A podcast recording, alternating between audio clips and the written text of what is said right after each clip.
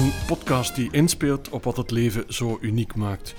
Die zoekt naar punten van herkenning en verschil om daarvan iets mee te nemen naar je eigen bestaan. Geen prietpraat, maar zoeken naar wat misschien wel de essentie is of daar dicht in de buurt komt. In tweespraak zoeken Pieter Jan en Steven naar richtingaanwijzers aan de hand van tien niet-alledaagse vragen. Virginie Plateau studeerde taal en letterkunde en daarna journalistiek, gaf les in Brussel, maar is vooral gefascineerd door de kracht van stilte. Bij uitstek vooral als voorwaarde voor het creatieve proces. Op veilige corona-afstand vinden we Wies de Graven, sinds 2016 directeur van mensenrechtenorganisatie Amnesty International Vlaanderen. Voordien was hij ruim tien jaar actief bij het Vlaams Vredesinstituut, liever met het recht om mens te zijn. Schreef hij een boek dat volledig past in de filosofie van deze podcast. Dag Virginie, dag uh, Wies, welkom hier in uh, Kortrijk. We hopen dat jullie na deze podcast elkaar al een beetje beter zullen leren kennen. In hoeverre kennen jullie elkaar nu al eigenlijk, Virginie? Dankjewel. Um, ja, kennen is misschien een groot woord, maar ik heb Wies wel al eens ontmoet om een, zelf een interview af te nemen voor Tertio, waarvoor ik uh, een boekenrubriek heb. En dan heeft hij mij rondgeleid in zijn boekenkast. en dat was ook een fijn gesprek. En dan bleek dat er wel wat raakpunten zijn tussen Mm -hmm. Wies, wat ja. herinner jij je nog van dat gesprek? oh, dat was een heel fijn gesprek, in, in, inderdaad, in, in, mijn living, aan mijn uh, boekenkast. Um, ik weet dat we heel lang gesproken hebben en ik vraag me dan altijd af, hoe, hoe doen ze het toch? Op papier zal het er weer veel um, fijner en intelligenter uh, uitzien dan wat ik hier allemaal verteld heb. En ze heeft daar een prachtig interview van gemaakt. Nee, nee, ik, ik, ik weet het nog. En um, ik, ik daarvoor al, maar, maar ook zeker sedertien lees ik bijvoorbeeld uh, de opinies van Virginie over onder andere inderdaad stilte en, en het belang van stilte. Mm -hmm. Maar er is inderdaad ook nog wel een andere link. In mijn, in mijn living hangt ook een heel grote foto van Jimmy Katz, eigenlijk een, een reeks waar ik uh, bij het Vlaams Vredesinstituut aan gewerkt heb, heb uh, naar aanleiding van de herdenking van de Eerste Wereldoorlog. En uh, toeval wel dat dat boek uitgegeven werd bij de uitgeverij waar haar broer ook werkte. En toen bleek nog eens dat haar broer een, een huis heeft vlakbij mijn ouders, enzovoort en zo verder. En dan bleken we eigenlijk heel wat connecties te hebben. Ja. De link is compleet vandaag. Ja. Inderdaad, ja, ja, het is een mooie volgende stap. Ja. Je hebt een eindje moeten rijden, Virginie. Je komt van Mechelen. Ja.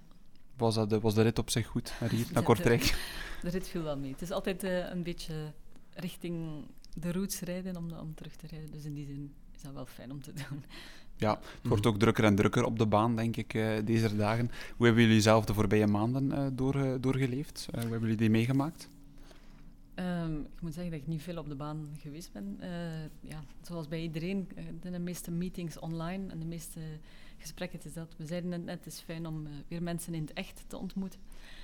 Um, ja, maar als je bedoelt het verschil tussen de drukte van het normale leven en dan in, in coronatijd, ja, dat verschil is er wel. Maar het is niet meer zo de, de kalmte die we in de eerste lockdown hadden. Die was mm -hmm. ook totaal en ook bevreemdend bij momenten. En uh, mm -hmm. nu is het ja, vooral ongemak, denk ik. Maar de drukte blijft wel dezelfde. Oh, ja, het lawaai, of als, als daarop is dat ja. je doelt, is wel terug. Want uiteindelijk, de wereld heeft letterlijk, of staat nog soms op pauze, heeft op pauze gestaan. Stilte je op zich wel heel belangrijk dan? Heb je jezelf daarin wat kunnen terugvinden? Of heb je, was er meer aandacht voor stilte de voorbije maanden? Ja, dat is wel... Ja, iedereen werd daar plotseling mee geconfronteerd. Allee, ik, ik vond dat wel heel interessant, vooral. Um, dat heel veel mensen dan plotseling die aandacht daarvoor kregen. Iets waar ik al heel ja, toch een, een langer mee bezig ben. Maar het was wel opgelegd. Het is de, de, stilte die je echt goed doet, is vooral de stilte die je zelf gaat opzoeken uit eigen beweging en waar dat je zelf ja, uh, vrijwillig naar op zoek gaat. Maar hier was het echt een, een, stilte die ons overviel, wat toch een beetje een schokeffect had. Met mm -hmm. veel positieve kanten eraan. Voor veel mensen was het een ontdekking mm -hmm. van zo, ja, zo kan het ook. En, en ja, het brengt je ook een beetje tot inkeer van waarom zijn we eigenlijk de hele tijd zo aan het rushen en doen we zoveel dingen die misschien niet zo heel belangrijk zijn. Um, ik denk dat veel mensen zichzelf ook, of hun, hun levensstijl een beetje in vraag gesteld hebben. Maar natuurlijk, die lockdown heeft misschien niet lang genoeg geduurd om echt een reset mogelijk te maken. Mm. Um, ik, zag, ja. ik zag toch ook wel een beetje ergens een, een vreemde contradictie. Ik... Um, Um, ik deed onder andere het stiltepad in, in Heuveland. Ja. wat eigenlijk uitgedraaid was in een soort file van wandelaars. Ehm, wat op zich een bevreemdend Mm. iets was daar waar ik vroeger de Westhoek ging opzoeken voor de stilte, Mhm. bleek die misschien soms meer aanwezig te zijn in, in, in de stad Gent, in mijn eigen stadstuintje of in, eh, in, in, in huis. En dat, ehm, ik, ik zag het heel graag dat de natuur herontdekt werd, maar ze werd meteen toch ook serieus onder druk gezet, had ik het gevoel. Zeer zeker, ja. Ook omdat het de enige vorm van ontspanning nog was. Maar dat, je ziet ook dat mensen dan echt ja, massaal, als de winkels dicht zijn, dan gaan we massaal allemaal naar de kust of allemaal naar de Ardennen of op die wandelpaden. Ja, en het is inderdaad, het was een hele ommekeer Mm. van het rustige platteland, was het Mhm. nu de binnenstad die kalmer was. En ook binnenskamer, voor veel mensen was het totaal niet rustig. Als je Mhm. moet eh, werk en gezin combineren en, en vergaderen en zo, dan was het... Er is nog nooit zoveel gewandeld in Vlaanderen als de voorbije maanden, denk ik. Ja, en laat ons dat maar toejuichen. Hè. Ik ben een, een grote fan van wandelen, al lang voor de, voor de lockdown. Ehm, we hebben daar toen, Virginie en ik, in dat interview hebben we daar toen ook over gepraat, omdat ik daar ook een aantal boeken over aan het lezen was. Ehm, maar wandelen is, is, een, ja, is een, ten eerste ja, een eeuwenoude bezigheid. Al van bij de oude Grieken hadden de peripatetische gewoonte, en perpatao is, is, is wandelen in het Grieks. En ehm, ja, omdat, dat, omdat het helpt na te denken, omdat het rust brengt, omdat het je bij de essentie brengt, omdat het... ehm, ja, ik, ik, ik wandel eigenlijk niet om, om echt te ontspannen of zo. Voor mij is het meer een ehm, echte verwerkingsproces voor alles wat binnenkomt, ehm, om, om, om de grote brokken die er zijn te vermalen tot kleinere brokken, zodanig dat ze door, ik weet niet, door de buis passeren of zoiets. Dat, is een voor mij wandelen. Ja, dat is een hap klaar binnenkomen. klopt. Voilà, dat eh, komt zeker nog aan bod in deze eh, podcast, denk ik. Heb jij trouwens iets met Grieks, eh, Pieter Jan, of niet? Eh, ik eet heel graag feta, als je daarop doelt. En tarama vind ik ook heerlijk, maar ik weet niet wat de dat... taal. Nee, nee. Ah, oké, oké. Sirtaki, dat We, ken ik we wel. leren, we leren nieuwe woordjes bij en dat, is, dat kunnen we alleen maar toejuichen. Zoals elke podcast hebben we de vragen op voorhand doorgegeven. Dat geven we toch nog eens mee aan onze luisteraars. Was het moeilijk om je in te leven in die vragen? Want het zijn niet doodgewone vragen, niet alledaagse, denk ik dan, eh, Virginie. Ah, ik vond dat wel leuk om die vooraf te krijgen. Maar ja, ehm, bij sommigen dacht ik, je kunt daar op heel verschillende manieren op reageren. Je kan direct heel eh, diepgaand gaan of kan het ook wel licht- lichter houden. Ik ben benieuwd hoe het gaat uitdraaien. Ja, het mag diepgaand. Zeker, hebben we graag. Top. Steven, ik denk dat we daarnet eh, op een bepaald moment eh zei wie iets van wandelen, wandelen op een bepaalde locatie, misschien wel een lievelingsplek. Ehm Wies, we gaan misschien beginnen bij jou. Wat is jouw lievelingsplek en wat vind je daar wat je elders niet vindt? Ja, ik, ik vind de lievelingsvragen over eender wat, lievelingseten, lievelingsdrank, lievelingsmuziek, lievelingsplaats, vind ik altijd een beetje moeilijk. Ik ben eigenlijk niet zo'n lievelingsmens. Ik heb wel over dingen een heel uitgesproken mening, maar daar, het is moeilijk om daar zo één, één eh, lievelingsding in te, in te herkennen. Maar goed, eh, ik, eh, e- een van mijn lievelingsplekken of een plek waar ik heel graag kom, en dan hebben we al meteen het wandelen en het Grieks komt er ook al bij, is, ehm, is Griekenland en meer bepaald Kreta. Daar heb ik, dat is voor mij echt mijn tweede thuis, zal ik maar zeggen. Al vele jaren lang kom ik daar jaarlijks, soms meerdere keren. En een van de plekken op Kreta is een, heel klein dorpje, Loutro, in het zuiden van, van het la- eiland, waar er eh, veel minder toerisme is en waar er bovendien geen auto's zijn. Je kunt er ook niet geraken met de auto. Je moet dus de boot nemen en dan kom je in een baai in dat kleine dorpje waar de stilte ehm, zeer bijzonder is, omdat we natuurlijk dan pas merken hoe gewoon we geworden zijn aan, aan, aan dat, dat verkeer en dat geluid van verkeer. Ehm, de stilte, ehm, en voor mij is, is, is Kreta vooral een heel speciale plek, omdat dat een... voor mij is het een plaats waar tegenstellingen overstegen worden. Ze worden niet uit de weg gegaan. Bijvoorbeeld, er is daar bijvoorbeeld geen strand. Je hebt heel steile bergen, maar die gaan recht de zee in. Je hebt bergen en zee. Ehm, je hebt daar het westen en het oosten. Je hebt daar eh, Dionysos, de god van het drinken en het dansen en het zot doen. En je hebt Apollo, de god van de wijsheid, van de zon, de helderheid enzovoort. En Kreta ligt net op een kruispunt, geografisch en ook cultureel. En ik, voor mij is het een land van, van tegenstellingen.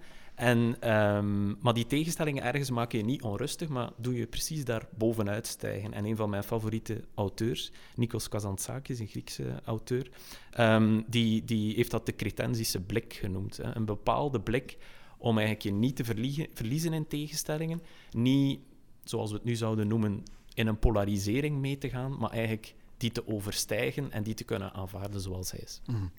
Dat was Kreta. Als je het iets dichterbij zoekt, je roots liggen in het Heuveland, West-Utter, om uh, heel concreet te zijn. Je woont in Gent. Heb jij ook iets met die plaatsen of niet echt? Ja, ik ga, ik ga nog heel graag naar de, naar, naar de Westhoek en naar mijn, vooral dan de plaats waar mijn ouders nog wonen, in West-Toeter. Dat is een plaats van heel mooie herinneringen. Dat is een plaats waar ik um, een heel, heel sterk anker mee gekregen heb om, om ja, de rest van mijn leven te, door te maken, zal ik maar zeggen. Heel, heel, heel sterke uitgangspunten over hoe je in het leven kan uh, staan op een, op een positieve en goede manier. Maar um, ja, ik woon in Gent en ik ben zo ook dat weer, ik heb niet een lievelingsstad of lievelingsplatteland. Voor mij is het ook een tegenstelling die makkelijk overstegen wordt. En laten we maar van de twee genieten. Ik ben in de, in de, nu in de lockdown heb ik eigenlijk ontdekt ook dat ik ben best wel graag thuis. En mhm. ik denk dat dat heel belangrijk is, dat je jou thuis ergens thuis kunt voelen. En dat is geen speciaal groot huis of geen chic huis of geen, niet, niet speciaal comfortabel. Maar ik prijs mij zo gelukkig dat ik mij ergens thuis voel. En ik hoed me dus om, om te klagen over de voorbije lockdown, omdat ik een plaats heb waar ik me thuis voel. Mhm. Mooie woorden. Thuisvoelen is op zich, denk ik, zeker nu belangrijker dan ooit. Dat vind ik ook wel een hele mooie. Mm. Virginie, jouw roots liggen in West-Vlaanderen, mooie West-Vlaanderen. maar jij bent uitgeweken naar Mechelen. Heb jij zo'n lievelingsplekje, dichtbij of veraf? Um, ja, ik heb ook wat roots meer in de Westhoek nog, dus ik kom daar ook wel heel graag. En uh, ook wel die blijvende interesse voor de Eerste Wereldoorlog, waar dat, wie het daar net over had. Maar los daarvan, ik heb ook veel mooie jeugdherinneringen in, in Heuveland. Uh, maar ik ben meer in Kortrijk en, en, rond Kortrijk opgegroeid, naar school geweest. En uh, ja, het is altijd wel fijn om hier terug te zijn. Maar ondertussen ben ik ook heel goed mij thuis gaan voelen in Mechelen. We wonen daar nu twaalf jaar bijna. Mhm. Ehm, het is een heel fijne plek, een stad die op korte tijd, allee, relatief korte tijd, heel veel veranderd is ook. En waar mensen van overal een beetje aangespoeld zijn. Dus uh, ja, ik kan wel zeggen dat ik mij daar ook thuis voel. Um, zijn er bepaalde activiteiten dat je voorneemt in de stad Mechelen? Dat je zegt van bepaalde wandelpaden of, of bepaalde plekjes dat je daar in de stad zelf heel speciaal vindt? Goh, um, ja, ik blijf nog altijd ontdekken, ook de vele natuurgebieden die er zijn in de directe omgeving van de stad. Um, Mechelen is ook een stad die midden veel water ligt. Er zijn verschillende waterlopen, de, de, Dijlen, de Zenne, uh, de Ruppel loopt er ook wat verder. Uh, dus um, um, er zijn ook heel veel overstromingsgebieden en nu... Met, ja, maar enfin, het is historisch altijd al zo. En, en dat heeft wel... Dat zorgt ervoor dat bepaalde gehuchten, um, vroeger toch, en, en nu in de voorbije winter was dat uitzonderlijk ook weer, eigenlijk afgesloten zijn van uh, de rest van, mhm. van de stad, wat dan een eigenheid geeft. En ook wel zo, ja, de legenden en de verhalen mhm. die verbonden zijn aan, aan de gehuchten, dat vind ik ook wel ja. boeiend om te leren kennen. Ontweespraak wordt opgenomen in Kortrijk. Doet het jou dan iets als je de afrit neemt, Kortrijk, en hier binnenrijdt? Ja, dat, dat brengt altijd wel herinneringen. Ik ben wel iemand die... Eh, herinneringen zijn deel van mijn tegenwoordige tijd ook, dikwijls. Um, maar het valt mij vooral altijd op hoe snel het verandert en hoeveel er weer uh, ja, is platgegooid en, en rechtgezet ondertussen. En, en ten goede of ten kwade. Het wordt, wordt ja, een stad evolueert en uh, het is boeiend om, om die vooruitgang te zien. Ja. Het is misschien beroepsmisvorming, maar Mechelen is ook een mensenrechtenstad. Ja, ja, um, Mensenrechten hebben daar historisch, het ontglipt mij eventjes wat precies, maar er heeft een, een, een heel belangrijk, van Europa, ja. uh, belangrijk moment plaatsgevonden rond, rond het idee van rechtsstaat en zo. Maar je hebt natuurlijk ook kazerne Dossin bijvoorbeeld, um, heel nauw gelinkt aan, aan uiteraard de Tweede Wereldoorlog en, mhm. en de gruwel van toen. Dus voor mij, als ik in Mechelen kom, dan is het meestal heel hard gelinkt aan, aan mensenrechten. Ja, ik denk dat je er nog wel zal voor gevraagd worden. Ook met het Hannah Arendt Instituut dat nu is Klopt. opgericht. Dan, ja. ja, er worden heel deals achter de schermen gesloten. ja. Dat Zo zijn we dan ook weer, hè, als West-Vlamingen. Ja. Commerçanten, ja. Uh, Virginie, jij blikte al eventjes terug naar het verleden en dat brengt ons eigenlijk eh, een beetje naadloos bij vraag 5 van de lijst. We zijn allemaal in kleine of grote mate nostalgisch. Ben jij iemand die met hem mee terugkijkt naar het verleden? Of, of doe je dat niet? Goh, heimwee zou ik het niet noemen. Maar ik kan wel echt genieten van de herinneringen die ik heb. Of van, van foto's of van verhalen, anekdotes ophalen van vroeger. Of van een sfeer vooral.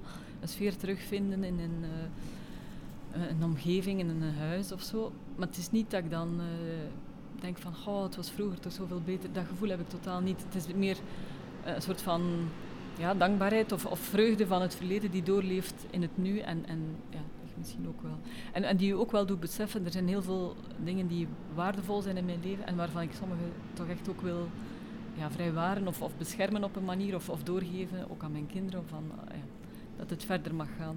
Uh, maar niet dat vroeger beter was of zo. Zoals de trein hier voorbij raast, wie ben jij iemand die door het leven raast? Of uh, ben je toch iemand die af en toe ook eens terugkijkt naar het verleden? Ja, ik, her, ik, herken mij eigenlijk heel, heel hard in wat Virginie vertelt. Ik ben, ik ben echt wel redelijk nostalgisch. Ik ben zelfs nostalgisch naar een tijd dat ik zelf niet geleefd heb. Mm, en ik ben nostalgisch naar dingen die nog moeten gebeuren, bij wijze van spreken. Dus ik ben, dat gevoel ken ik... En ik, eigenlijk is dat ook een heel diep gevoel en een heel echt gevoel. En ik, voor mij is dat eigenlijk genieten. Voor mij is dat een mhm. positieve mm. gevoel. Al, al, al, het is geen nostalgie die gedrenkt is in, in ergernis of in, in pijn per se of in, in, in, in, verdriet. Natuurlijk zitten er zaken in je leven die minder positief waren. Maar ik, ik vind dat een heel diepe beleving en eigenlijk een soort van dubbele beleving van het leven. En dat is, dat is ja, je reflecteert daarover. En vooral niet alleen in je hoofd, maar ook in je hart. Je voelt het ook. Dus ik, ja, ik, ben, ik ben heel nostalgisch, maar anderzijds, ik, het tempo van mijn leven, zeker vandaag, ligt redelijk hoog. En, en ook dat is oké en dat is ook voor mij niet, niet het een of het ander. Um, het helpt wel wat rust brengen, eigenlijk, de mhm. nostalgie ook soms. Ja. ja, het tempo en het leven, Virginie. Ik denk dat het bij jou een beetje lager ligt dan bij Wies, is dat juist? Ja, ik denk het wel. Het is een, bewuste keuze ook geweest van mij om uh, dat wat lager te leggen. Maar natuurlijk ja, wil ik ook verder mee in het leven. Hè. Dus ik draai me niet af. Uh, maar het is iets wat ik gewoon ondervonden heb, dat dat uh, mij beter ligt om het op een trager tempo aan te pakken. Mhm. Maar ik ben ook met heel veel dingen bezig. En, en ja, ik heb ook een, jong gezin, dus wat, ja, het tempo komt wel, wel binnen. Ik, kan u niet, ik, wil, ik zou mij er ook niet willen van afsluiten. Maar het geeft mij een grote vrijheid om mijn eigen tijd meer te kunnen bepalen. Mhm. En, uh, ja, ja, ik vraag het jou omdat ik uh, stilte associeer met vertragen. Ja, ja, zeker. Dat is inderdaad een, een ja, wie vertraagt kan tot stilte komen en, en, en stilte zorgt er ook zo voor dat je tempo wat vertraagt. Dat hangt uh, zeker samen. Um, maar het is niet, ja, hoe zou ik zeggen? uh, ik kan er ook wel van genieten om, om veel dingen gedaan te krijgen, of, of uh, het bruisende van een stad of zo, of van een, een, nieuwe omgeving. Dat geeft ook heel veel energie. Het is vooral de balans die, die mhm. je moet hebben en, en dat wat soms een beetje zoek is tegenwoordig bij veel mensen. Ja, ik, heb, mm, ik denk dat er toch in mij een, een, een straffere, straffer mm, vuur precies vooruit brandt en kan daar ook niet veel aan doen. En ik, ik, um, dat is ook niet verboden. Zo, zo, ik heb daar ook minder behoefte aan. Ik denk mm. dat, en dat is, dat is allemaal prima natuurlijk, hè, hoe, het ook, hoe het ook is. Ik voel toch, ik, ik, heb het moeilijk hoor, om, stil, om echt stil te staan en, en die rust te nemen, want er is zoveel werk, zoveel te doen, zoveel dat moet, zoveel dat ik zou moeten doen, uh, dat ik zou kunnen doen. En dat is natuurlijk ook, dat is absoluut ook een valkuil. Ik herinner mij dat we er ook over gesproken hebben toen we elkaar al eens eerder gesproken hebben, Virginie en ik, um, over... Um, ja, natuurlijk branden nu, dat is ook opbranden soms. Hè. Je moet mm. natuurlijk wel zorgen dat de brandstof aangeleverd blijft. Mm. Dus, um, dus ja, dat is, dat is, tegelijk is dat de energie van mijn leven. En anderzijds is dat een gevaar. En moet je ook opletten dat je ook anderen niet verbrandt onderweg. En ook jezelf, want het aantal burn-outs in uh, Vlaanderen ligt ongelooflijk hoog. Zijn jullie daar nooit bang voor? Heel bang. Uh, en dat is ook echt een reëel, een reëel issue. En uit, in de hele samenleving, maar zeker ook, ook in mijn eigen organisatie. Um, en als, als leidinggevende voel ik me daar ook verantwoordelijk voor. En het is, uh, ja, wij werken met enorm gedreven mensen. Um, aan een werk dat eigenlijk nooit af is en dat, dat altijd pijn doet om keuzes te maken of om te stoppen. En uh, ja, we, we, we, proberen daar alle zeilen bij, te zetten om daar omkadering aan te geven, om dingen af te bakenen. Maar het is soms sterker dan onszelf en we moeten elkaar daar vooral in beschermen, uh, denk ik. Mochten we in een ideale wereld, stel je voor, Steven, kunnen toveren en we kunnen alle burn-outs de wereld uithelpen, zouden we misschien wel kunnen spreken van een magische gave. Laat ons zeggen dat misschien bepaalde mensen ook een magische gave in een, hebben die in, in zichzelf opkomt. Hebben jullie dat? Hebben jullie een bepaalde magische gave dat je zegt van, mocht ik die willen bezitten, dan zou het, uh, zou het dat zijn? Virginie, ik zie je lachen. Is dat een lach van herkenning of een lach van wat een nee, vraag is dat, dat? Ik vond dat een moeilijke vraag. Ook omdat je, bedoel je een, een talent of, of uh, echt, echt iets magisch? God, we hebben al van alles gehoord. De, de tijd stopzetten, kunnen vliegen, ja. um, kunnen echt praat, een, praten ja, met dieren. Praten met ja, dieren. Nee, ik weet niet. Het is niet iets waar ik nu mee bezig ben, maar ik herinner me wel als kind dat ik dat vaak dacht. Hoe fijn zou dat zijn? Ik vond dat heel moeilijk dat als mensen dan vroegen wat wil je later worden, dat je dan iets moest zeggen en dat je dan precies maar één leven meer had of zo. En, Mhm. en terwijl, ja, er was zoveel keuze en ik zou zoveel dingen willen doen, ook nu nog. Het is niet omdat ik vertraag dat ik, dat ik in één langzaam straatje zit of zo. Dus eh, als er dan iets magisch zou zijn, dan zou ik dat ehm, misschien zien voor iedereen. Dat je zo één dag in de week gewoon van leven switcht. Dat je wakker wordt en in een ander lichaam, in een andere omgeving. In de, maar voor de rest weet je volledig Mhm. wat je moet doen. Mhm. Maar dat je bijvoorbeeld, dan ik dan eh, als een oudere man wakker word en, en dan de hele dag dat leven leidt. Mhm. Omdat, ja, fijn, gewoon omdat mij dat geweldig lijkt qua ervaringen, ook sociale klasse, leeftijd, alles. En dat dat misschien ook wel een, een oefening in empathie zou zijn dan achteraf. Mhm. Dus, Ja, eh, we gaan de oefening eens maken. Hè. Het is donderdag. Stel, je wordt eh, morgen vrijdag wakker. Wat mag het zijn? Wat mag het zijn? Ja, ik zou dat wel spannend vinden om eens als man wakker te worden. Eh, gewoon om te zien hoe je ja, het leven ervaart en, en hoe Mhm. dat je gepercipieerd wordt. Ik denk dat dat heel enfin, anders is. Ehm, maar, maar ook om ja, te waarderen wat dat je hebt en, en Mhm. hoe dat je leven is. Dat dat eigenlijk best fijn is. En dat er veel andere dingen zijn die je misschien niet eens kent en die ook heel boeiend of heel plezant zijn. Ja, om dat te ontdekken. Oké, top. Leuke magische gave. Zeker. Wies, hoe heb jij daar eh, een bepaald gedacht ja, over? ik vind het heel opmerkelijk, omdat mijn magische gave, of wat ik zou willen, ligt, ligt heel dicht bij, bij wat er net gezegd is. Ik, ehm, maar ik ben iets minder ambitieus. Voor mij moet het geen, geen hele dag zijn, maar de, de gave om te kunnen 30, een kwartier Mhm. echt in iemand anders een eh, eh, lijf daarom niet, maar de, de perceptie van iemand anders te hebben. Want ik denk dat eigenlijk het, ehm, ja, dat zou als oefening in empathie en het is zo moeilijk om een ander eigenlijk echt volledig te begrijpen, eh, denk ik. En, en we doen ons best en we proberen ons uit te drukken zo goed als dat we kunnen. Maar, Mhm. maar dat, dat, dat lukt ook niet altijd. Of er is een zender, er is een ontvanger, er zit dan nog heel wat ruis tussen. En ehm, ik, ik denk, en, en dat, dat, dat eh, intrigeert mij maatloos om echt, en ook in de tijd inderdaad, om eens in, hoe zou dat dan, hoe, hoe is dat dan eigenlijk om in die plaats op, op, op dat Mhm. moment te zijn?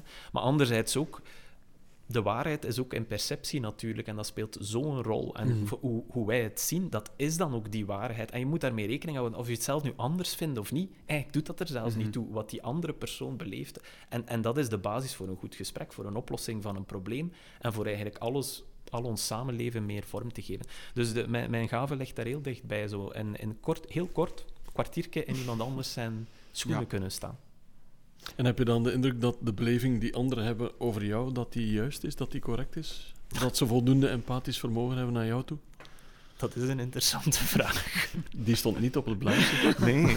Ehm, goh, over het algemeen wel. Ik, of ik probeer daar toch, toch aandacht aan te besteden. Maar er zijn heel veel voorbeelden waar dat tot, tot mijn frustratie dus niet lukt. Hè, of dat die Mhm. perceptie, of dat vooral dat ik denk dat het helemaal anders is en dat ik, dat ik, dat ik denk dat als ik iets gedacht heb, dat het andere het ook weet. Maar de andere weet het pas als ik het uitgesproken heb, als ik het goed uitgesproken heb, als het aangekomen is en misschien als ik het een paar keer gezegd heb. En dat, dat, Mhm. blijft, dat blijft toch echt een worsteling om elkaar echt goed te verstaan. Dus, ehm, maar ik, meer en meer let ik daarop en hou ik daar rekening mee en, en, en ja, probeer ik te zoeken naar die helderheid in verhouding. Mhm. Heb jij dat ook, Virginie? Jij bent een vrouw van het woord, geschreven woord, en eens dat op papier staat, staat het er. Ben jij ooit verkeerd of fout begrepen, bijvoorbeeld in interviews of bij artikels die je schreef? Mm, ja, soms wel. Of ja, je merkt ook, zeker als je dingen, zekere opinies Uh, tegenwoordig, als je het dan ook zeker deelt op sociale media, de, commentaar die er meteen opkomt, terwijl ik mij nog totaal niet waag aan controversiële thema's of zo, maar, maar dat je ziet hoe oppervlakkig mensen lezen of, of met een zeer uh, ja, duidelijke bril dat ze bepaalde dingen lezen en hoe snel mensen ook zich uh, ja, in, in, defensief gaan. Of, of mm ja, dat, dat, vind ik heel opmerkelijk, terwijl ik dan denk, hoe kan je dat nu zo lezen? Dat is echt niet zo. Ja. Mm En natuurlijk ook in, in, in, persoonlijke contacten. Ja, ironie is iets waar ik mij heel gemakkelijk van bedien, maar op papier of zeker in, in tekstberichten of zo komt dat veel minder over. En daar heb ik mij wel af en toe een keer op miskeken. Dan, zo. Mhm. Dus, en kweek je dat door een olifantenvel of blijft dat binnenkomen? Goh, ik probeer dat wel.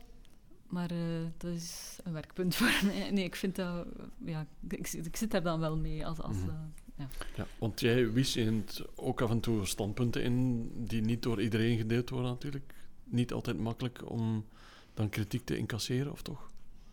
Goh, ik denk die, die, die kritiek mag en moet er zijn natuurlijk. Hè. En um, het is altijd heel... Het is ook fijn om in debat te gaan. Of, of nu is het eventjes niet aan de orde, maar als ik ja, als ik lezingen ga geven of zo en dan er komen kritische vragen, by all means, echt heel mm. graag. Maar ik begrijp wel, het, het, eh, vooral op, op uh, ja, het is klassieker, hè, op social media is het toch mm. soms echt wel, um, ja, toch wel heel bijzonder wat, wat, wat mensen uh, durven en kunnen zeggen.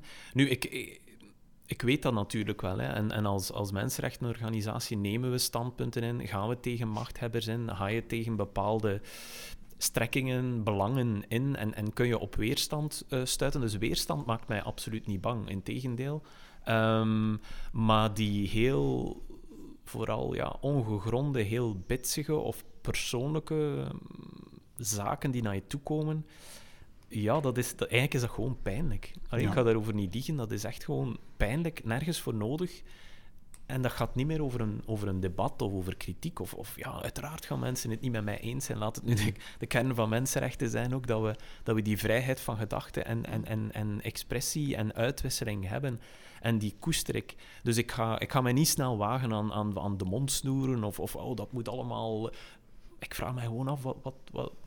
Ja, het is, het is zo pijnlijk. En voor iedereen, ik kan, mij, ik kan mij niet voorstellen dat de mensen die dat insturen zich bijzonder gelukkig voelen eigenlijk. Mm. Dus... Um, maar bon, ja, uh, het is waar. En ik, ik, dan nog, eerlijk gezegd, ik zie nog het meeste niet, want onze mensen die bij ons ja, in, de, in, ja, onze mailboxen beheren, beheren, ook onze, onze social media kanalen van Amnesty zelf, die mhm. zitten dag in dag uit in zo'n stroom. Ik scherm mij daar eigenlijk een klein beetje van mhm. af. Van dat soort zaken. Um, ik, ik ga niet op zoek naar alle commentaren en de, alle uithoeken van het internet, want ik denk dat dat weinig productief is. Oké, okay, laten we van de negatieve of de kritieke commentaren naar een positieve vraag gaan. En het is ook, we hebben het vorige keer besproken, Steven, de laatste keer dat we deze vraag stellen. Erg, hè? Je zit er al in vanaf de eerste editie. Ik, Ik kan mij vereerd. Heel moeilijk afscheid nemen, maar dus, dames en heren, dit is de laatste keer dat deze vraag vooral, gesteld vooral wordt. Pieter Jan heeft het er moeilijk Ik heb er een heel speciale band mee, ik ga er ook uh, niet over liegen. Ik heb het even emotioneel moeilijk nu. Maar dus, wat is, en ik zal beginnen bij Virginie, wat is je ultieme guilty pleasure? ik had zo'n vermoeden dat die vraag was. Um, ja, ik, ik vind dat, dat, dat woord eigenlijk een beetje raar, want waarom moet je je guilty voelen over iets wat dat je plezier geeft, zolang dat het niemand schade berokkent. Maar goed, ik snap wat dat je bedoelt. Um, ik heb daar eventjes over nagedacht en er zijn twee antwoorden, iets wat een beetje vreemd is waarschijnlijk, maar ik ga het toch maar zeggen. We hebben alles al gehoord, dus. beter. Um, compost scheppen. Oké, okay. verklaar u nader. Uh, ja, ik weet niet, dat hoeft niet... Enfin, uh, ja, um, is het de geur? Nee, nee, als die goed is, dan heeft dat bijna geen geur. Maar gewoon het, het hele proces van afbraak en, en, en uh, ja, vergankelijkheid. En dan die wormen erin en die beesten. en, dan, en die vruchtbare aarde die er van onderuit komt. En waar dat je dan weer ja, groenten mee kunt kweken. Maar enfin, uh, het is iets heel persoonlijks. En, en Amai, oké. Maar je maakt eigenlijk van afval iets heel positiefs. Ja, precies. En dat, dat circulaire ervan. Ik vind Super. dat wel een beetje verwonderlijk. Misschien, maar dan misschien iets anders, iets, iets wat meer gangbaarder is of zo. Um, iets meer wereld. Want het is vaak iets met uh, media te maken of iets met eten. ja, mhm. eten kan ik duizend voorbeelden geven, maar um, tijdens het strijken heb ik een tijd naar Jannie gekeken, die de kleerkast van de mensen. Ja. En dat vond ik uh, allee, heel ontspannend. Um, moet je niet bij nadenken. Maar toch, ja, raakte mij dat soms, omdat dat heel vaak mensen zijn die met een laag zelfbeeld zitten of die eh, Mhm. ja, ook tikken van het leven gekregen hebben. En de manier waarop het gaat om kleren, hè. het is heel oppervlakkig kan je zeggen, en, en eh, ja, gewone looks en shoppen en Mhm. op zich. Maar toch vond ik dat het, het goede daarin, of wat dat mij raakte, is de manier waarop dat hij tegenover die totaal verschillende mensen ehm, toch iedere keer precies zag wat dat er in hen zat, dat een, een, Mhm. een duwtje nodig had. Ja. Bij wijze van die kleren dan, om, om zich weer beter te voelen en, en meer zelfrespect en zo te hebben. Dus, enfin. Vind je dat er al vandaag te weinig aandacht voor is, voor echt zelfrespect? Of echt door, door mensen kijken en echt luisteren? Ja, ik denk dat in de media en in alles wat commercieel is, wordt het erop afgewenteld dat je, als je maar koopt, dan, dan koop je je zelfrespect Mhm. of koop je je imago of om het even wat. Maar, maar wat in dat programma dan, misschien is ook, ook de dingen die hij zegt, of die, dat je wel ziet dat hij een soort van heel goed aanvoelen heeft van die mensen, ook al staan ze heel ver van hem af. Ja. Ehm, maar in het algemeen, ja, in, in, in, in de wereld, denk ik dat dat ze heel, bij heel veel mensen een groot probleem is dat we, ja, heel veel mensen zich van binnen onvoldaan voelen en dat dat dan naar buiten overgecompenseerd wordt door allerlei verslavingsgedrag, maar, maar ook door agressie en door, enfin, door- omdat er Mhm. van binnen eh, een slecht en kwalijk zelfbeeld is. Ja. Voor ik eens wil luisteren naar wat dat Wies daarop te zeggen heeft, misschien nog heel kort terug naar composteren. Heb je wat gezegd. Ze. Ja. Wordt er in Vlaanderen volgens jou te weinig gecomposteerd? Ik heb geen idee, ik heb daar geen studies over gedaan. Nee. Of geen, eh, eh, ik, ik zie wel, maar ja, ik zit nu in allerlei van die tuingroepen en zo. En het lijkt alsof dat iedereen daarmee bezig is, maar je ziet dan Ja. bubbel. Ehm, ja, maar het is gewoon iets belangrijks. Dat- Het is Ja. ook bodem dat je creëert en, en Mhm. vruchtbare grond. En dat is nu weer in het nieuws. dus, eh, in die zin. Composteren is eigenlijk gewoon een wonder, want ik herinner mij dat... Ik woon nu tien jaar waar ik woon en ik heb zo'n groen compostvat. Ik heb daar nog nooit iets uitgehaald Ja. en ik steek daar iedere dag iets in. Dat is eigenlijk En wat er dan wonderlijk? Aiden is. ja. wonderlijk. En dat blijft maar zakken. Nee, wat is echt wonderen der natuur. Ke- Keer nog even terug, eh, Wies, naar het, ehm, de quote van, eh, van eh, Virginie rond het zelfbeeld. Zei dat je zelf ook herkent of heel hard voor staat. Dat mensen meer moeten, ehm dat wil zeggen, doorkeken worden en echt luisteren naar wat er echt scheelt. Of hoe, hoe zie jij dat?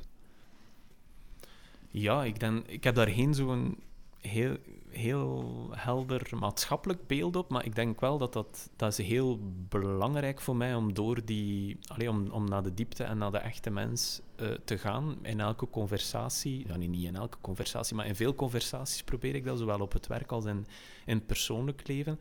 En ik denk wel dat om in, in het leven te staan, dat, dat uiteindelijk de je moet de kracht in jezelf vinden en je moet de, de, je fundament in jezelf vinden. En als daar iets niet juist is, dan, dan kun je nog alles doen wat je wil, maar dan, dan zal het nooit helemaal werken. En Mhm. iedereen moet de kans krijgen om dat ofwel op te bouwen. Jammer genoeg krijgen heel veel mensen dat niet mee in het leven, denk ik, door, hun, door de manier waarop ze opgevoed worden, of de Mhm. omstandigheden waarin dat ze opgevoed worden, of door de gebeurtenissen in hun leven. En ik denk dat we meer zorg moeten besteden aan het mensen dat opnieuw laten opbouwen, die stevige basis in zichzelf, dat iets waarop ze, waarop ze kunnen terugvallen en dat stevig genoeg is, waardoor dat iets als kleren een, een- of, of eender wel aan de buitenkant een plezier wordt en een Mhm. expressie wordt. En net van hetgeen dat daar binnen zit, zonder enig complex, en dat we zelfs niet over een guilty pleasure spreken, dat doet er zelfs niet toe. Als dat, als dat, als dat spoort met, met jezelf, en, en, en dat, dan kom je tot een soort van, oké, ja, met een groot woord, een soort van harmonie,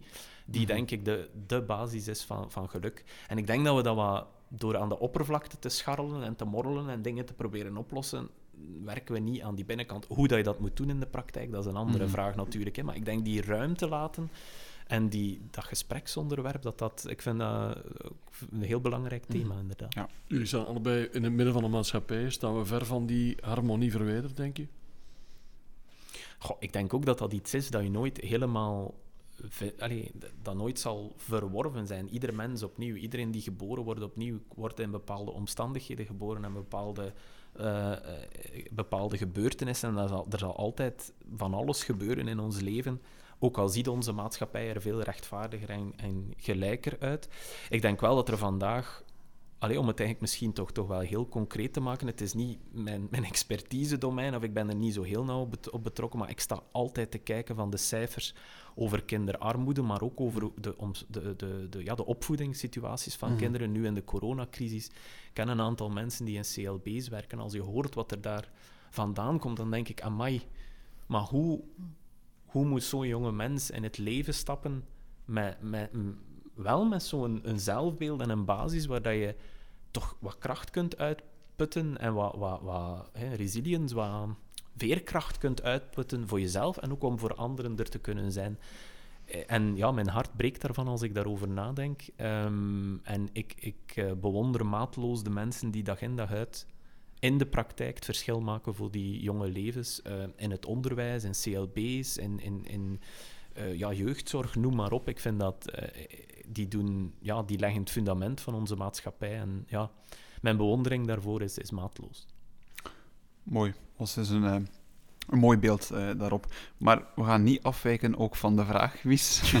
Ik dacht, dat, dacht dat ik eraan ontsnapt was. Razend benieuwd. Wat is jouw guilty pleasure? Ja, um, ja kijk, ik heb het eigenlijk nog eens opgezocht wat dat, dat eigenlijk is. Want ik dacht dan, ja... Nee, maar bon, dat, het algemeen begrip daarvan is inderdaad eten, mediagebruik, mm zo'n programma of iets, iets, waarover je je schuldig voelt achteraf, zoiets. Of denkt, ja. denkt te veel. wel, gelukkig um, is dat nog zeer zelden dat ik mij over iets uh, schuldig voel. Dus dat is op zich, op zich oké. Maar uh, nee, ik denk, als, het, is, het is redelijk klassiek hoor. Ik ben opgegroeid in een huis zonder tv. Um, dus tot mijn 20, 21, 22 had ik ja, bol, keek ik geen tv. Wat dat op zich uh, helemaal... Ik denk niet dat ik, dat ik zoveel gemist heb. Uitgezonderd in quizzen nu, als er oude tv-fragmenten zijn, dat werkt wel op mijn zenuwen, dat ik dat dan niet, niet zo goed weet. Jannie, was er toen nog niet, ook. Nee, nee, nee, nee. nee. Jannie is trouwens, heeft ook een hart voor mensenrechten, heeft voor ons ook al dingen gedaan over ah, onder andere Holibi-activisten in, in, Oekraïne en zo. Dus een, een heel, heel, heel fijne gast. Um, maar goed, ik, ik, ik, wijk af. Dus ik denk dat de, dat de guilty pleasure er wel is, of een tijd geweest is, dat ik ehm, heel makkelijk dan naar bewegend beeld kijk. En dat de kwaliteit ervan, uh, maar vooral wel naar films, maar zo ook echt naar, die, naar van die, ja, misschien toch wel bevels, en soms twee keer of drie keer zelfs. Dus dan ja, maar nu, dat is ondertussen opgelost eigenlijk. Want uh, in de lockdown heb ik uh, mij dan toch zo'n uh, een Netflix-abonnement aangeschaft, waardoor dat je toch een net iets kwalitatievere keuze kunt maken. En dus voel ik mij niet meer schuldig. En, ik, het is niet dat ik, de, en ook de, er is, wat, er is een, een, een, betere balans gekomen in, het, in de duur dat ik naar, mm -hmm. naar, naar, de tv kijk. Want er is een periode geweest, zo, een aantal jaren, dat dat toch een beetje... Zo, allee, e-, eender wat. Een soort inhaalbeweging. Ja, precies dat. Een soort ja. van het gevoel dat dat dan... Ja, dat, dat moet toch iets triggeren in onze hersenen, denk ik. Die tv en, en zo die formats en die manier waarop dat... Dat moet toch... Ergens brengt dat onze hersenen hmm. blijkbaar in een soort van... Brengt dat iets, zo een soort van misschien... Ja, trance of een gemakzucht misschien ook. Zo mhm. van, ah ja. Ja. Oké. en natuurlijk, ja. Dus uh, terwijl dat je, dat je een veel dieper genoegen kan vinden in een echt goede film, uh, in, een, in een echt goed boek enzovoort. Ja. En ik bedenk dat ik een paar keer in die val getrapt ben. Ja. Jani, composteren en 20 jaar tv inhalen. Ik ben helemaal blij met het antwoord op deze vraag, Steven. Dus, uh... Bij deze gaan we de vraag nu officieel ja, uitzwaaien. Het is zo. Ik zou zeggen een minuut stilte, maar dat gaan we niet doen, want het is een podcast. Dus we gaan gewoon door naar de volgende vraag. U zijn beiden mensen met een uitgesproken mening. Jullie hebben visies over de maatschappij en dat mm. ziet jullie ook. Maar stel dat jullie morgen uh, gezagsdragers zouden kunnen zijn over dit land over dit nog altijd mooie land. Wat zou dan premier Plateau uh, als eerste realiseren? um, realiseren, ik denk uh, aan de top van de prioriteitenlijst zetten is misschien een eerste stap. Uh, dat zou toch wel klimaat zijn, of alles wat daarmee te maken heeft. En dat is eigenlijk ongeveer alles, denk ik. Um, en op dat moment passeert er een vervuilende brommer. Die, een vliegtuig? nee, dit was geen vliegtuig. Ik was het ook aan het denken. Wat is de ironie van de realiteit? voilà. Um, Alles is toeval. maar ga, ga vooral door, Virginie. Nee, omdat klimaat... En, allee, het, het, komt wel geleidelijk meer en meer op de agenda, maar dan nog op een manier die ja, misschien niet doortastend genoeg is of die niet... Uh, enfin, dat is iets waar ik mij heel veel zorgen over maak en uh, heel sterk mee bezig ben. Maar het zou heel fijn zijn als politiek ook weer echt ehm, ja, de politiek zou bedrijven in, in functie van het welzijn van de burgers. Want nu heb ik vaak het gevoel dat politiek vooral een vorm van managen is. Mhm. Ehm, CEO van het land zijn en dan binnen Europa en zien ja, hoe dat. enfin, allerlei, alle crisissen worden op die manier geleid. En, en ja, het, het- je, ziet, je merkt ook dat het. Ideologie heeft daar nog weinig mee te maken. Het zijn vooral de big corporate eh, multinationals die, die het beleid eigenlijk bepalen. Mm. Dus als dat zou kunnen een beetje veranderd worden. Maar goed, als ik het dan heel idealistisch ehm, en misschien kleinschaliger zie, zou ik ook heel veel meer aandacht voor onderwijs en voor cultuur. maar dat zijn dan eh, regionale bevoegdheden, dus dat is niet echt een premier. Maar dat zijn wel heel belangrijk. Ook naar Wiet zei het daar net ook al. men- men- het onderwijs, ik heb er zelf ook in gestaan. En, en, en Steven, ik bewonder enorm. Ik kom ook echt uit een onderwijsfamilie. Ehm, en, en af en toe ja, vraag ik mezelf ook af of dat ik maatschappelijk relevanter was in het onderwijs. Maar eh, ik vind dat, ja, we hebben het altijd de mond vol over. Hè. De kinderen zijn de toekomst, maar, maar financieel of qua investering zie je daar heel wein- weinig van terug. Dus eh, dat zou ik wel veranderen. En het onderwijs zoals het nu bestaat, ben je daar tevreden mee of zou je daar dingen aan veranderen? Oh, daar zou ik zeker wel dingen aan veranderen. Ja.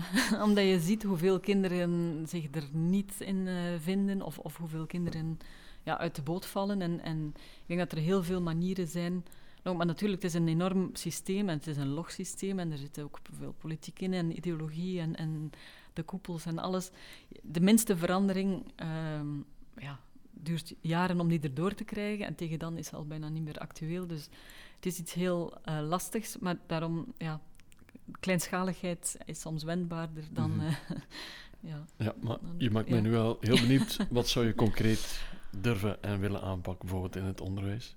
Goh, dat er veel meer vanuit ehm, ervaringsgericht onderwijs is. Dus dat, dat de kinderen ook veel meer naar buiten gaan. Mhm. Zeker op de lagere school. Dat, dat er veel meer voeling is met de natuur, met, met waar het eten vandaan komt bijvoorbeeld. Met, met hoe dingen groeien, met wat compost is bijvoorbeeld. Eh kan geen kwaad. Ehm, Compostologie, dat is zo. maar het moet niet direct een moeilijk vak worden, maar gewoon Nee. het, het, enfin, Ja. het vastpakken en het, het doen. Mhm. Maar daarnaast ook, ook wat we al gezegd hebben, dat, dat gevoel van zelfwaarde en zelfrespect, om dat op een manier ja, ehm, aan te leren of daar ruimte voor te maken, dat kinderen niet de hele tijd in die prestatie... En, Mhm. je voelt wel dat er een kleine kentering is, maar, maar nu ook weer... Excellentie wordt alleen maar gezien in termen van eh, boven de anderen uitsteken en, en eh, punten en wiskunde en wetenschap zijn geweldig belangrijk. Maar er zijn daarnaast nog zoveel dingen Mhm. Zeker de verbeelding prikkelen, creativiteit stimuleren. Ja, de ondernemers van de toekomst zijn, is wie nu creatief is, want al die Mhm. eh, automatisering die eraan komt, ja, heel veel jobs zullen verdwijnen. Dus het is in het creatieve dat je de toekomst gaat moeten zoeken. Ja. Dus ja.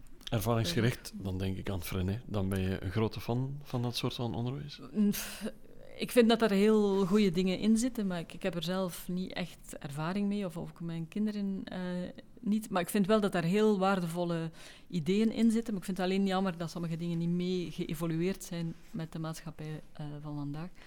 Eh, ik denk dat ja, een, een mix van de twee, waarom kan dat niet? Of het beste van verschillende werelden, het beste van het Finse onderwijs bijvoorbeeld.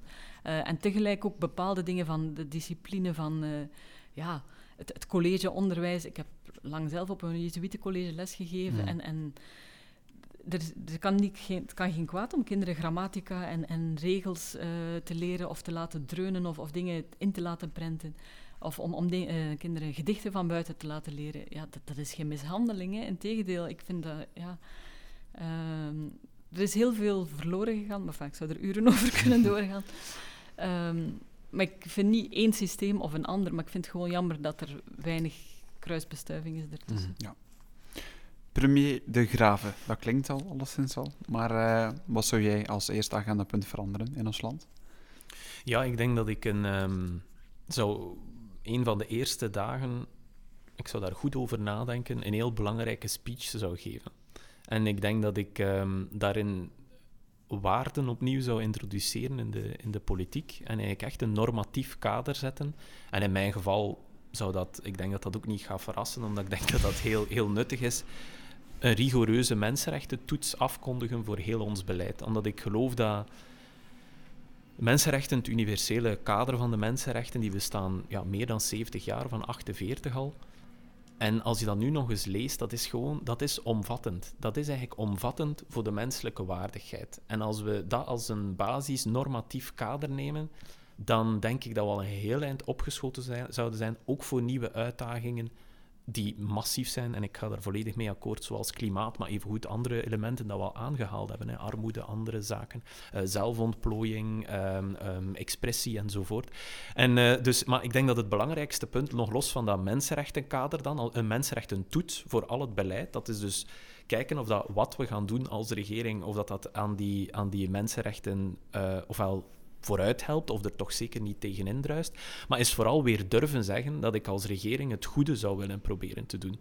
Dat ik iets wil doen dat, dat, dat, dat, dat goed is, dat goed is voor iedereen in het land mhm. en niet voor één bepaald deel of laat staan verder surfen op die, op, op die wij-zij-dynamiek. Uh, maar gewoon zonder complexen. Ik denk op een of andere manier is er een complex geslopen in, in zeggen dat je het goede wil doen, dat je het juiste wil doen, mm. dat, je, dat je goed wil zijn voor de ander en dat we goed moeten zijn voor elkaar.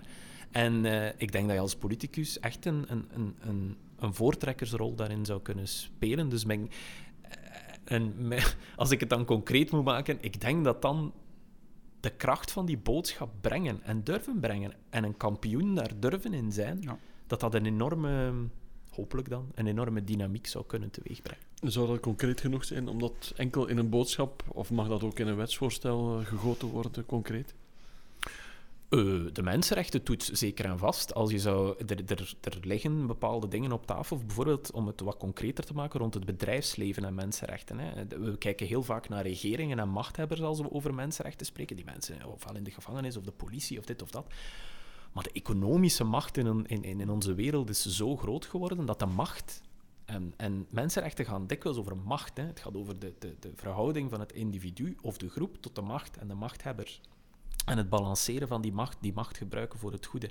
En dat ligt bij het economische heel, heel straf. En er, liggen, er zijn ideeën om, om bijvoorbeeld, er zijn heel duidelijke richtlijnen dat bedrijven zouden moeten zorgen dat in hun productie en in hun activiteiten mensenrechten niet geschonden worden. Waarom zouden we dat niet wettelijk bindend maken? Dat bedrijven dat moeten doen en daar ook mm. over moeten rapporteren. Vandaag is dat dus niet zo. Hè? En dus, dat, dus er liggen daar zeker, zeker mogelijkheden. Je zou, die, je zou zo'n mensenrechtentoets of het mensenrechtenkader nog veel verder kunnen vertalen in ons wettelijk kader. Maar ik denk dat we ook niet...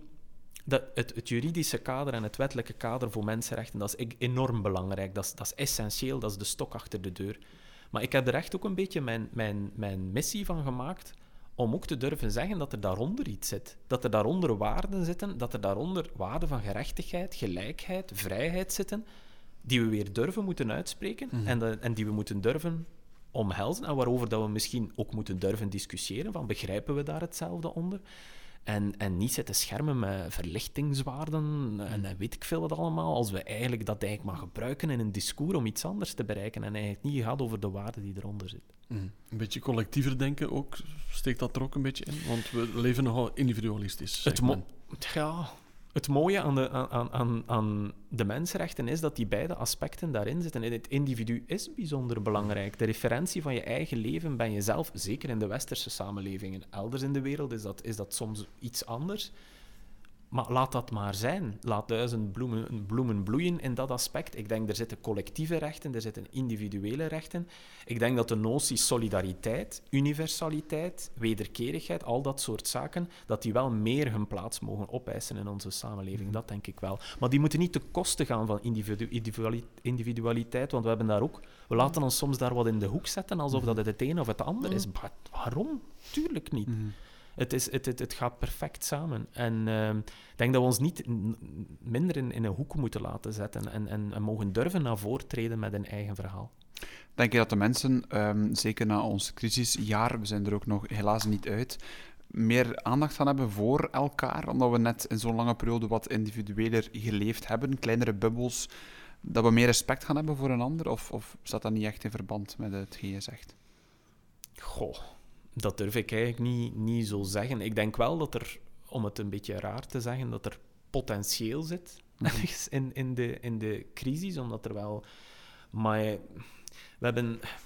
we hebben net, net ook in onze organisatie een denkoefening gedaan over wat zal er gebeuren na corona. En dan, je kunt zo in vier kwadranten denken. Je kunt denken, het zal business as usual zijn, het zal not business as usual zijn, het zal het inferno zijn of het zal het walhalla zijn. Wat, wat zal? Er zijn ook mensen die zeggen, vanaf nu zal... Oh, maar iedereen zal het licht gezien hebben na corona. We gaan de, de hemel of alles gaan naar de haaien. Ik denk dat we zitten in het kwadrant. Het zal of zouden moeten streven naar het kwadrant not business as usual, maar ook geen inferno en ook geen walhalla voorspieren. We hebben veel werk te doen. Het zal niet uit de lucht vallen, maar er is wel een kans. Hmm. Er is voor, voor mij een kans wel om, om dingen te veranderen. En er zitten kansen voor verbondenheid, maar er zitten ook kansen om aan klimaat iets te doen. Er zitten kansen om stilte te herwaarderen. Er zitten kansen om onze, ons, onze natuur, onze omgeving te herwaarderen ja. enzovoort. Ja. Nu, uh, post-corona al beginnen denken, waarom niet? Uh, wat zal het eerste zijn dat jij zal doen, uh, Virginie, als alle maatregelen opgeheven zijn? Oh ja, vrienden en familie zien, ja, een groot feest geven. iedereen omhelzen. ja, ik denk wat, wat iedereen wel naar snakt nu. Um, en, en eventjes niet de stilte, maar goed de muziek luid en, en goed uh, ja, uh, die, die nabijheid terug opzoeken. Mm. En, en vooral um, het, het, delen van uh, expressie of van, van, dat is iets wat je nu ja. heel sterk mist. Toch een stukje Walhalla.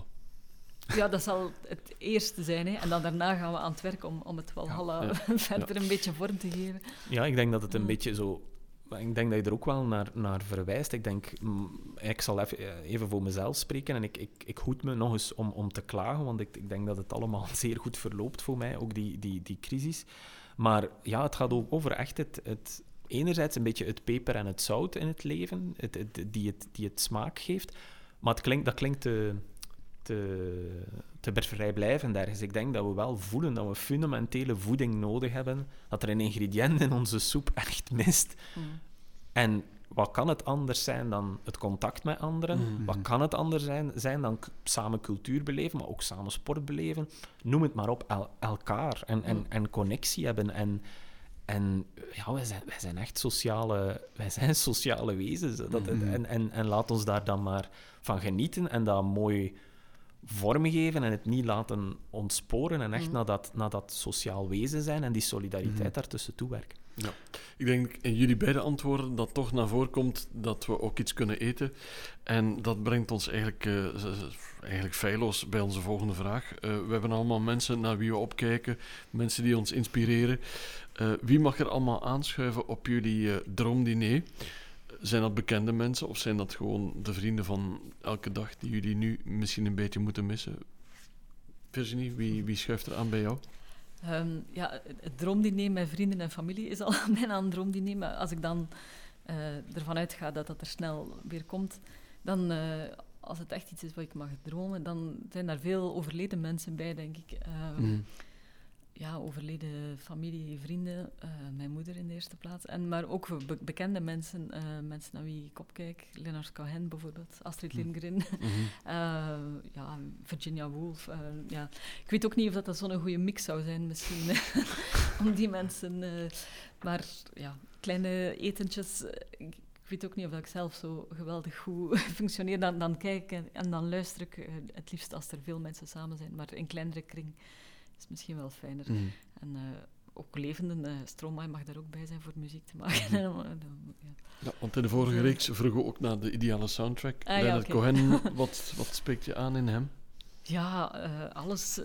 die mens op zich is, was een geweldig knappe man ook, maar, maar heel, um, de, ja, heel poëtisch en heel diepzinnig, maar hij heeft ook ja, kanten die, die veel minder mooi zijn, die dan uh, bijvoorbeeld in de documentaire die gemaakt is op Hydra, waar hij uh, lange tijd verbleven heeft, blijkt dat hij ook echt wel duistere kanten, ook in zijn omgang met vrouwen en zo, mm. maar ook niet naar zijn kinderen toe, mm. allemaal niet zo geweldig, maar, maar ja, ook een getormenteerde ziel die, die dan wel aan die prachtige muziek en uh, mm. poëzie ja, daarvoor kan instaan. Dus het is wel iemand waarvan ik het echt jammer vind dat ik hem nooit ontmoet heb. Ik heb wel twee concerten van hem gezien nog.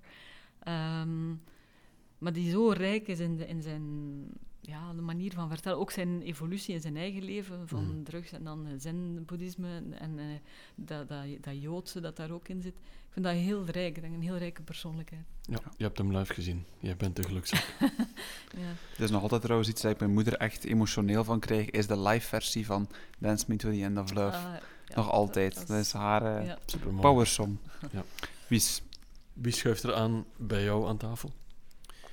Ja, die, die, die vraag is nu inderdaad speciaal in deze tijd. Ik, ik, ik sluit aan bij dat... Amai, als het mij nu vraagt... Amai, ik zie een heel mooi etentje met mijn dichtste vrienden. Eindelijk weer samen met, met, met lekker eten en een lekker glas. En dat moet absoluut niet chic zijn, maar wel, wel zo... De, de, de goede ingrediënten zuiver op tafel gekweekt op goede compost enzovoort.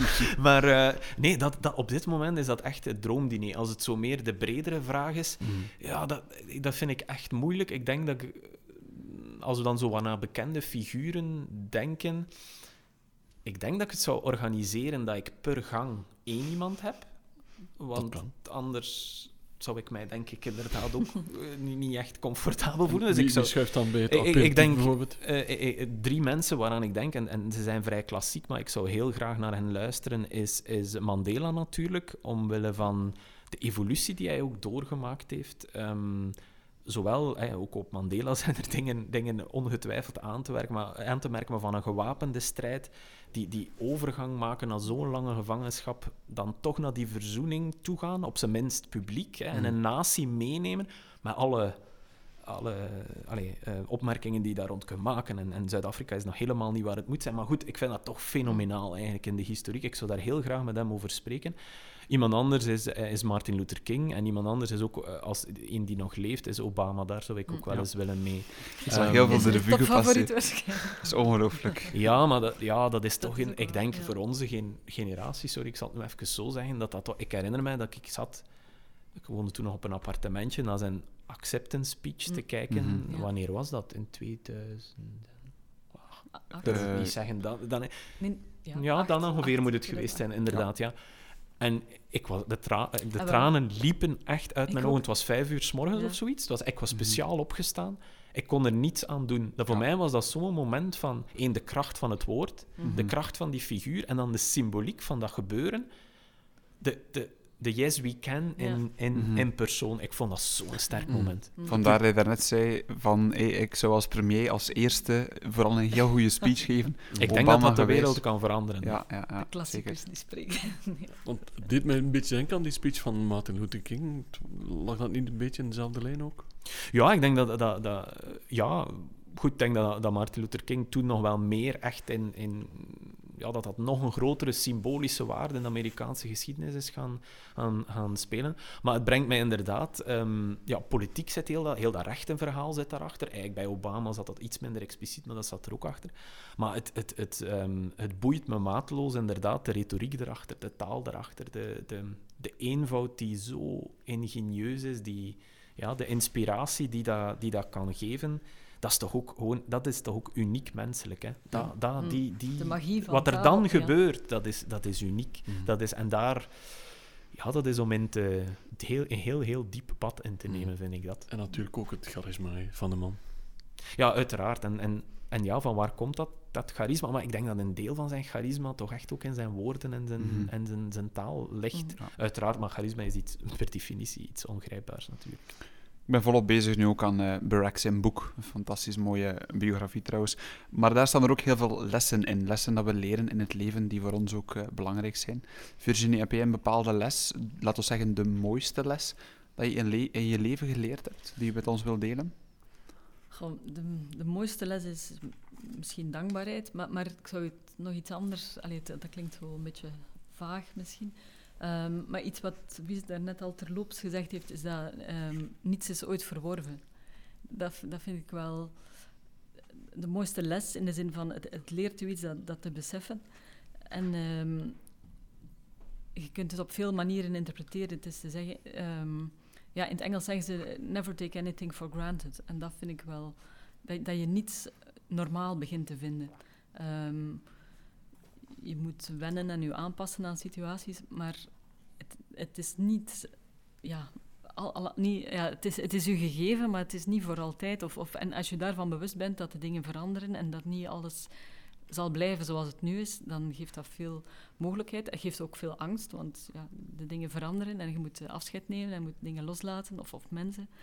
Ehm, maar, maar het geeft ook de mogelijkheid dat, dat je altijd kan eh, evolueren en dat je altijd ook moet blijven je inzetten voor de dingen die belangrijk zijn voor u. Ehm, ja, dat zien we nu ook met, met de corona, of, of zeker in mensenrechten, dat, dat vind ik iets... Landen, eh, als je bijvoorbeeld Iran in de jaren zeventig neemt en Iran nu, de mensen die toen, eh, de meisjes die in minirok aan de universiteit zaten, hadden toen niet kunnen denken hoe dat de situatie daar nu is. Ehm, maar, maar zoiets kan overal gebeuren en, en ook, in, ook in omgekeerde zin. Eh, het kan ook plots een heel grote emancipatie zijn, of, of ook op persoonlijk vlak. Je kan het geweldig goed hebben en dan komt er een crisis en dan Hmm. sta je aan de grond. Dus als je, daar, je moet daar niet met angst en beven eh, de hele tijd aan zitten denken, maar je er wel bewust van zijn. En, en daar, vandaar ook die dankbaarheid. Dat de dingen die, die goed gaan, dat je het goed beseft. ehm, maar dat je er ook bewust van bent dat dat niet voor Mhm. altijd is. Het heeft ook iets uitdagends, eh, vind ik, voor jezelf. Een mens is nooit af, bij wijze van Ja, spreken. ja, zeker. Ja, dat vind ik dat mooi. Ja, ook, ook dat, dat zoeken naar harmonie en zo. Het fijne daaraan is dat je die nooit gaat bereiken. Ehm, dat dat niet een doel is. Het is meer een mogelijkheid die Mhm. elke dag opnieuw Mhm. een mogelijkheid geeft. Ja, meer de weg, maar niet, eh, niet de bestemming. Zoiets, ja. Mooi. Heel mooi. Ja, ik word er een beetje stil van zelf. Wies, heb jij een, een, een les, de mooiste les eh, dat je geleerd hebt in je leven? Ja, ik vind, ik vind het fijn en ook wel opvallend hoe dat, hoe dat het gesprek mee meandert, want mijn, mijn antwoord gaat voor een stuk dezelfde richting uit. Voor mij is een heel belangrijke les dat de dingen kunnen, je kunt de dingen veranderen. Ik denk dat daarnet, daarnet gezegd werd van alles is toeval. Dat geloof ik dus niet. En dat heb ik ook geleerd. Toeval speelt een grote rol, rol, maar de dingen kunnen veranderen en je kunt ze ook zelf veranderen. We kunnen ze veranderen. En dat is, ik ben, echt, ik ben echt een activist. Ik werk ook voor een activistische organisatie. Ik vind activistisch een, een eretitel en geen, geen scheldwoord zoals het Mhm. soms is gebruikt wordt. Want activisme betekent dat je de dingen wil en kan veranderen. De dingen kunnen ten Mhm. goede veranderen. De geschiedenis heeft dat geleerd. De geschiedenis heeft ook veel andere dingen geleerd, hoe het, hoe het minder kan. En dat brengt mij bij dat er is hoop. En hoop vind ik zo'n... Dat is zo'n sterk concept. Ik heb daar een beetje beginnen... De laatste tijd ben ik daar wat over aan het lezen. En er zit veel meer achter dan je zou denken. En, en dat geloof en verandering, dat is wat ons vooruit drijft. En dat gaat over je persoonlijk leven, kun je de dingen veranderen. Het hoeft niet zo te zijn zoals het is. De keerzijde daarvan is dat het voor mij heel moeilijk is om te aanvaarden als iets wel is zoals het is. En als ik het niet kan... En, en de acceptatie van iets is soms... Ja, dat is dan een, een beetje een moeilijker eh, punt voor een activistisch iemand. Maar wat, wat, die gelo- dat geloof in verandering, dat je de dingen in handen kunt nemen, dat je de kracht in jezelf kunt vinden, dat je de schouders niet, niet, niet moet laten hangen, met alle begrip voor mensen die dat wel doen. Hè. Dat moet Mhm. niet, ik, ik vind het geen moeten, hè. Maar ik vind het wel, ik wil er mensen wel, altijd kom ik daarop terug, laten we eens denken hoe dat we...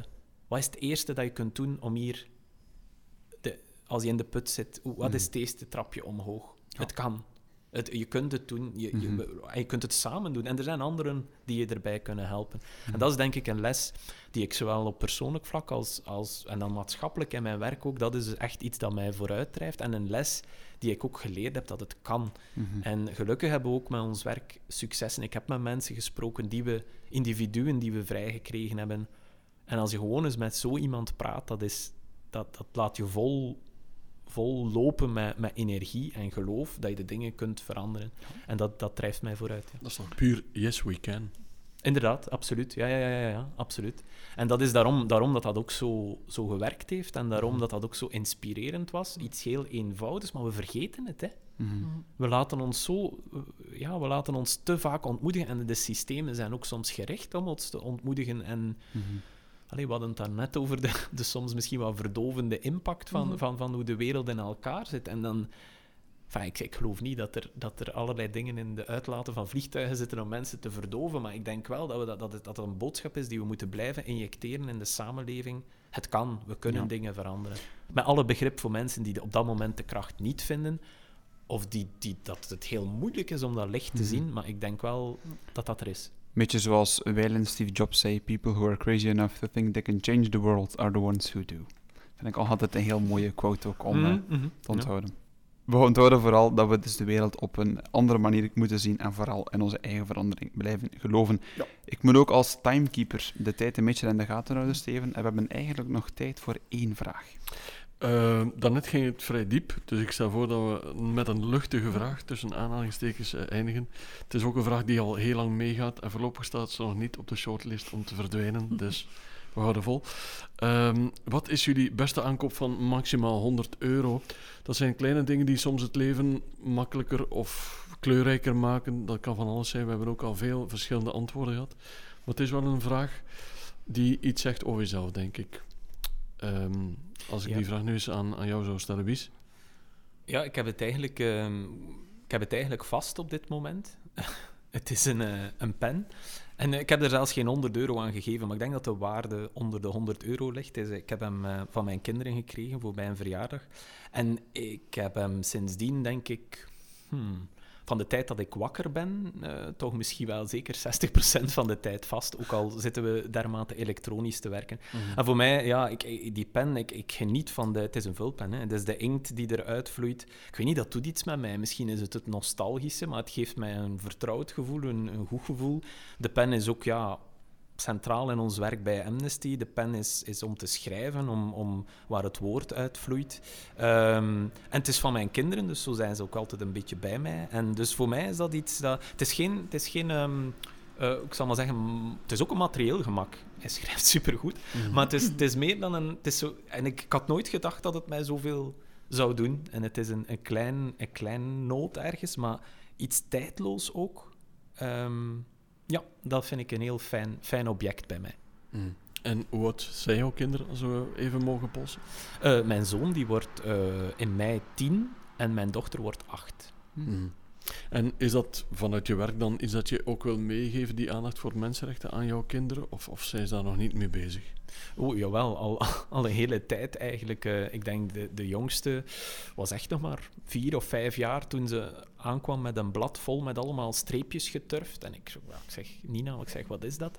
Ja, dat zijn alle domme dingen die president Trump gezegd heeft. Dus, ehm, maar, eh, maar nee, wel, wij, en nu meer en meer praten we daar wel over, uiteraard, op een, op een gepaste manier. Maar ja, bon, we luisteren ook samen naar het nieuws, we spreken daar wel over. Er zijn ook schrijfse vrijdagen op hun school. Ehm, eh, nee, nee, dit- absoluut. Ik vind dat ook belangrijk om dat, om dat mee te geven. Maar wat niet wil zeggen dat ze per se deze of gene richting in hun leven uitgaan, Mm. professioneel, dat ze maar doen. Maar ik, dat ze de ambitie hebben om, om ergens een goed mens te zijn, dat hoop ik wel van hen, hen mee te geven. En dat ze ook maatschappelijk die blik, die open blik, die blik naar de ander, die blik naar de wereld meenemen. En weten dat er iets zoals Iran bestaat, dat vind ik wel heel belangrijk. Mm. Virginie, welk kleinoot van maximaal 100 euro heeft jouw leven beetje veranderd, zeg maar? Ehm, ja, ik vond dat heel moeilijk. Ik zou zeggen, elk boek dat ik gekocht heb, maar ja, dat is misschien een beetje vaag. Ehm, notitieboekjes, misschien mooie notitieboekjes, maar dan zijn ze soms te mooi om eh, te beginnen in schrijven. dus dan begin ik dat te verzamelen. En, enfin, ja. Maar als ik verder denk, misschien is het ook iets wat ik gekregen heb, ehm, dat toen nog niet een euro was, maar dat mijn ouders voor mij kochten, eh, namelijk een scoutsuniform en, en eh, het lidgeld voor de scout. Het was nog een Belgische frank toen. Want dat is iets echt een, een cadeau voor het, het leven geweest. Terwijl het mij ook, ehm, ja, het heeft mij heel veel vriendschappen opgeleverd en ook heel veel kanten van mijzelf laten exploreren waar die anders misschien niet aan bod zouden komen. Terwijl dat ik er daar ook vaak met tegenzin, want al die spelletjes en iedere keer in de groep. En, ja, dat- de zin daarvan of het plezier ervan ontging mij soms. Maar dan anderzijds het op kamp gaan en, en dat zelfstandig worden en uw plan trekken en in de natuur zijn, dan, ja, dat is iets, iets ja, onbetaalbaars eigenlijk. Dus, eh, Men zegt wel eens één scout, altijd scout. Ben je dat, nog is, altijd? eh, ja, ja, ja, de kinderen zijn ook Ik heb er ook mijn man leren kennen, dus het is wel iets dat verder gaat. En, en inderdaad, bepaalde van die waarden, of ja, je kunt daar ook dingen van in vraag stellen, het elitair. Of, of, maar maar de, de basis is, is zo basic eigenlijk. Gewoon je plan trekken in de natuur, e- één zijn met de natuur zonder veel gedoe, zonder eh, ja, dat je jezelf beter voelt of, of gewoon dat, dat overleven. Dat geeft zoveel voldoening en zoveel plezier ook. Ook dat samenwerken, dat eh je plek, plek vinden in een groep, eh, leiding nemen, verantwoordelijkheid nemen, dat wees paraat. Eh, Dat, kan ouderwets klinken, maar ik vind dat wel iets, iets hebben, zeker in deze tijd. Een vorm van engagement dat je blijft aangaan. Dus ja, in die zin. Mm. En hoe oud zijn jouw kinderen als we polsen? Mijn oudste dochter wordt volgende week 17 en dan 14 en 12. Ja. Drie okay. dochters. Mooie pubers. ja, ja. Ik dacht echt dat Virginie ging zeggen mijn compostvat, maar dat is het dus niet geworden. Ik zou ze niet meteen vergelijken. nee, dat gaan we ook niet doen. Goed, beste vrienden, we zijn uh, een zeventigtal minuutjes samen op reis geweest. Het uh, einde van de podcast. Um, wat vonden jullie er zelf van? Het was een uh, ervaring, Virginie. Ja, ik vond het heel fijn. Het was een fijne babbel. we hebben veel bijgeleerd. Ik vond het mooi ook hoe dat, het gesprek en de vragen verweven geraakten met elkaar. Ehm, ja, het is, het is zeer boeiend. Wat zal je vooral onthouden vanavond? Waarmee ga je naar huis straks? Dat ik uh, niet voor de rest van mijn leven met als compostvat geassocieerd word. maar uh, nee, ja, de, ja, er zijn veel dingen. Um, de aandacht voor mensenrechten in het algemeen. Mm. Ja. En uh, ja, hoe fijn het is om, om een, een gesprek te hebben ja. onder vier of, onder vier. of voilà. vier keer twee ogen. Op uh, socials pikken we er altijd één quote uit om wat te teasen. Ik beloof bij deze dat ik niet de compostquote ga nemen. Ik heb er een paar andere mooi opgeschreven, dus die neem ik niet. De liefde voor de taal, die komt toch ook een paar keer naar, naar boven, ook bij Virgie. Ja. ja. Wat neem je mee uit deze podcast, uh, Wies? Ik vond het uh, heel erg fijn. Ik vond ook, vond ook leuk hoe dat hoe dat los van elkaar dingen toch dezelfde echo's terugkomen, wat, wat ergens ook een beetje geruststellend is of zo, dat, dat, er, dat er over nagedacht wordt en mm. dat er over kan gesproken worden. En wat ik vooral, vooral eigenlijk eh, sterk vond of, of meeneem, is, is dat, dat idee van wel genoeg stil te staan dat dingen niet verworven zijn, of het nu in persoonlijk leven of anders is, en daar ook genoeg van daar toch van niet altijd vooruit te denderen en genoeg stil te staan en genoeg mm-hmm. rust te nemen om dat besef goed te laten mhm. ehm, doordringen, dat is toch iets dat ik meeneem en dat ik denk dat Virginie zeer nauw aan het hart ligt en dat ik mhm. denk dat ik iets van kan leren. Mhm. En ik denk stilstaan, letterlijk, maar ook figuurlijk. Ja. absoluut. Ja. Laat ons dat een heel mooie boodschap zijn om mee te geven aan onze luisteraars, die momenteel aan het luisteren zijn. Alleszins ongelooflijk bedankt, uh, Virginie en Wies, om hier aanwezig te zijn in, uh, in Kortrijk. Steven, ook opnieuw bedankt om mijn co-host uh, te zijn. En we nemen nu afscheid van de Guilty Pleasures. Ja, helaas. Ik eh, vind het nog altijd moeilijk, maar we hebben er genoeg over gesproken. Dus bij deze vaarwel aan vraag 6. Uh, Super bedankt. Tot de volgende en uh, veel succes nog. En tot tweespraak. Tot tweespraak.